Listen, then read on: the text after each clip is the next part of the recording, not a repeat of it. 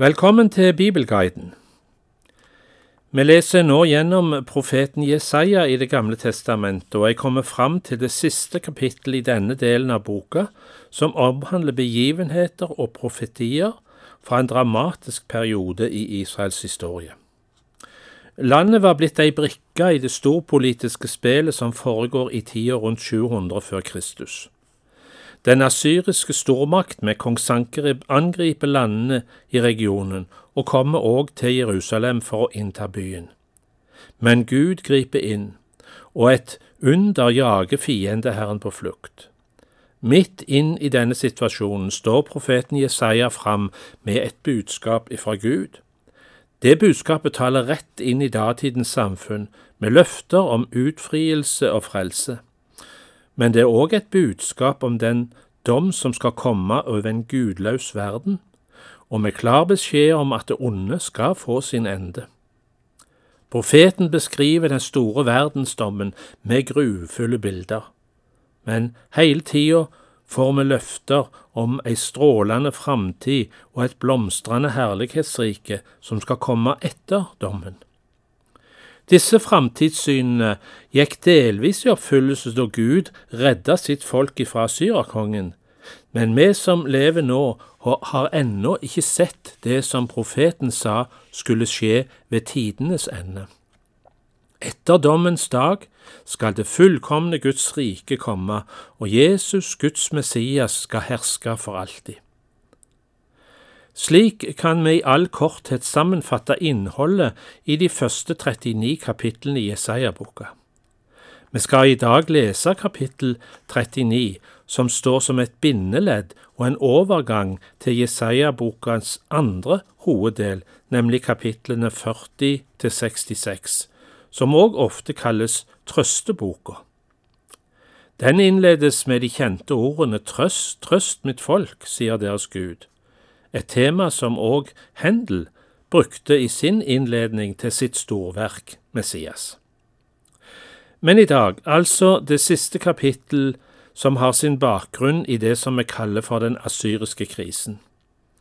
At vi nå er på vei inn i en annen tid, viser det faktum at vi nå blir introdusert til et nytt verdensrike, nemlig det babylonske riket, med sin konge Merodak Baladan. Utsendinger fra denne kongen kommer til Jerusalem med gaver for å gratulere kong Hiskia med at han er blitt frisk. De blir mottatt som venner, og kongen viser fram sine skatter til de. Denne hendelsen benytter Gud til å åpenbare for Jesaja det som skal skje i Jerusalems framtid. Her profeterer han om at folket skal føres i fangenskap nettopp til Babylon, til og med kongens sønner skal bli ført bort for å tjene ved Babylon-kongens slott. Vi leser Jesaja kapittel 39 vers 1 til 7. På den tiden sendte Babelkongen Merodak Baladan, sønn av Baladan, brev og gaver til Hiskia. For han hadde hørt at kongen hadde vært syk, men var blitt frisk igjen. Hiskia ble glad da sendebudene kom. Han viste dem huset der han hadde skattene sine, sølvet og gullet, parfymen og den fineste oljen, hele våpenhuset og alt som fantes i skattkamrene hans. Det var ikke den ting i hele hans slott og rike som Hiskia ikke viste dem. Da kom profeten Jesaja til kong Hiskia og spurte ham, Hva sa disse mennene, og hvor kom de fra? De kom til meg fra et land langt borte, svarte Hiskia, fra Babel. Hva fikk de se i slottet ditt? spurte profeten. Hiskia svarte, Alt som finnes i slottet fikk de se, det var ikke den ting i skattkamrene som jeg ikke viste dem. Da sa Jesaja til Hiskia, Hør ordet fra Herren over hærskarene. Se, dager skal komme da alt som er i slottet ditt, det som fedrene dine har samlet til denne dag, skal føres bort til Babel. Ingenting skal bli tilbake, sier Herren.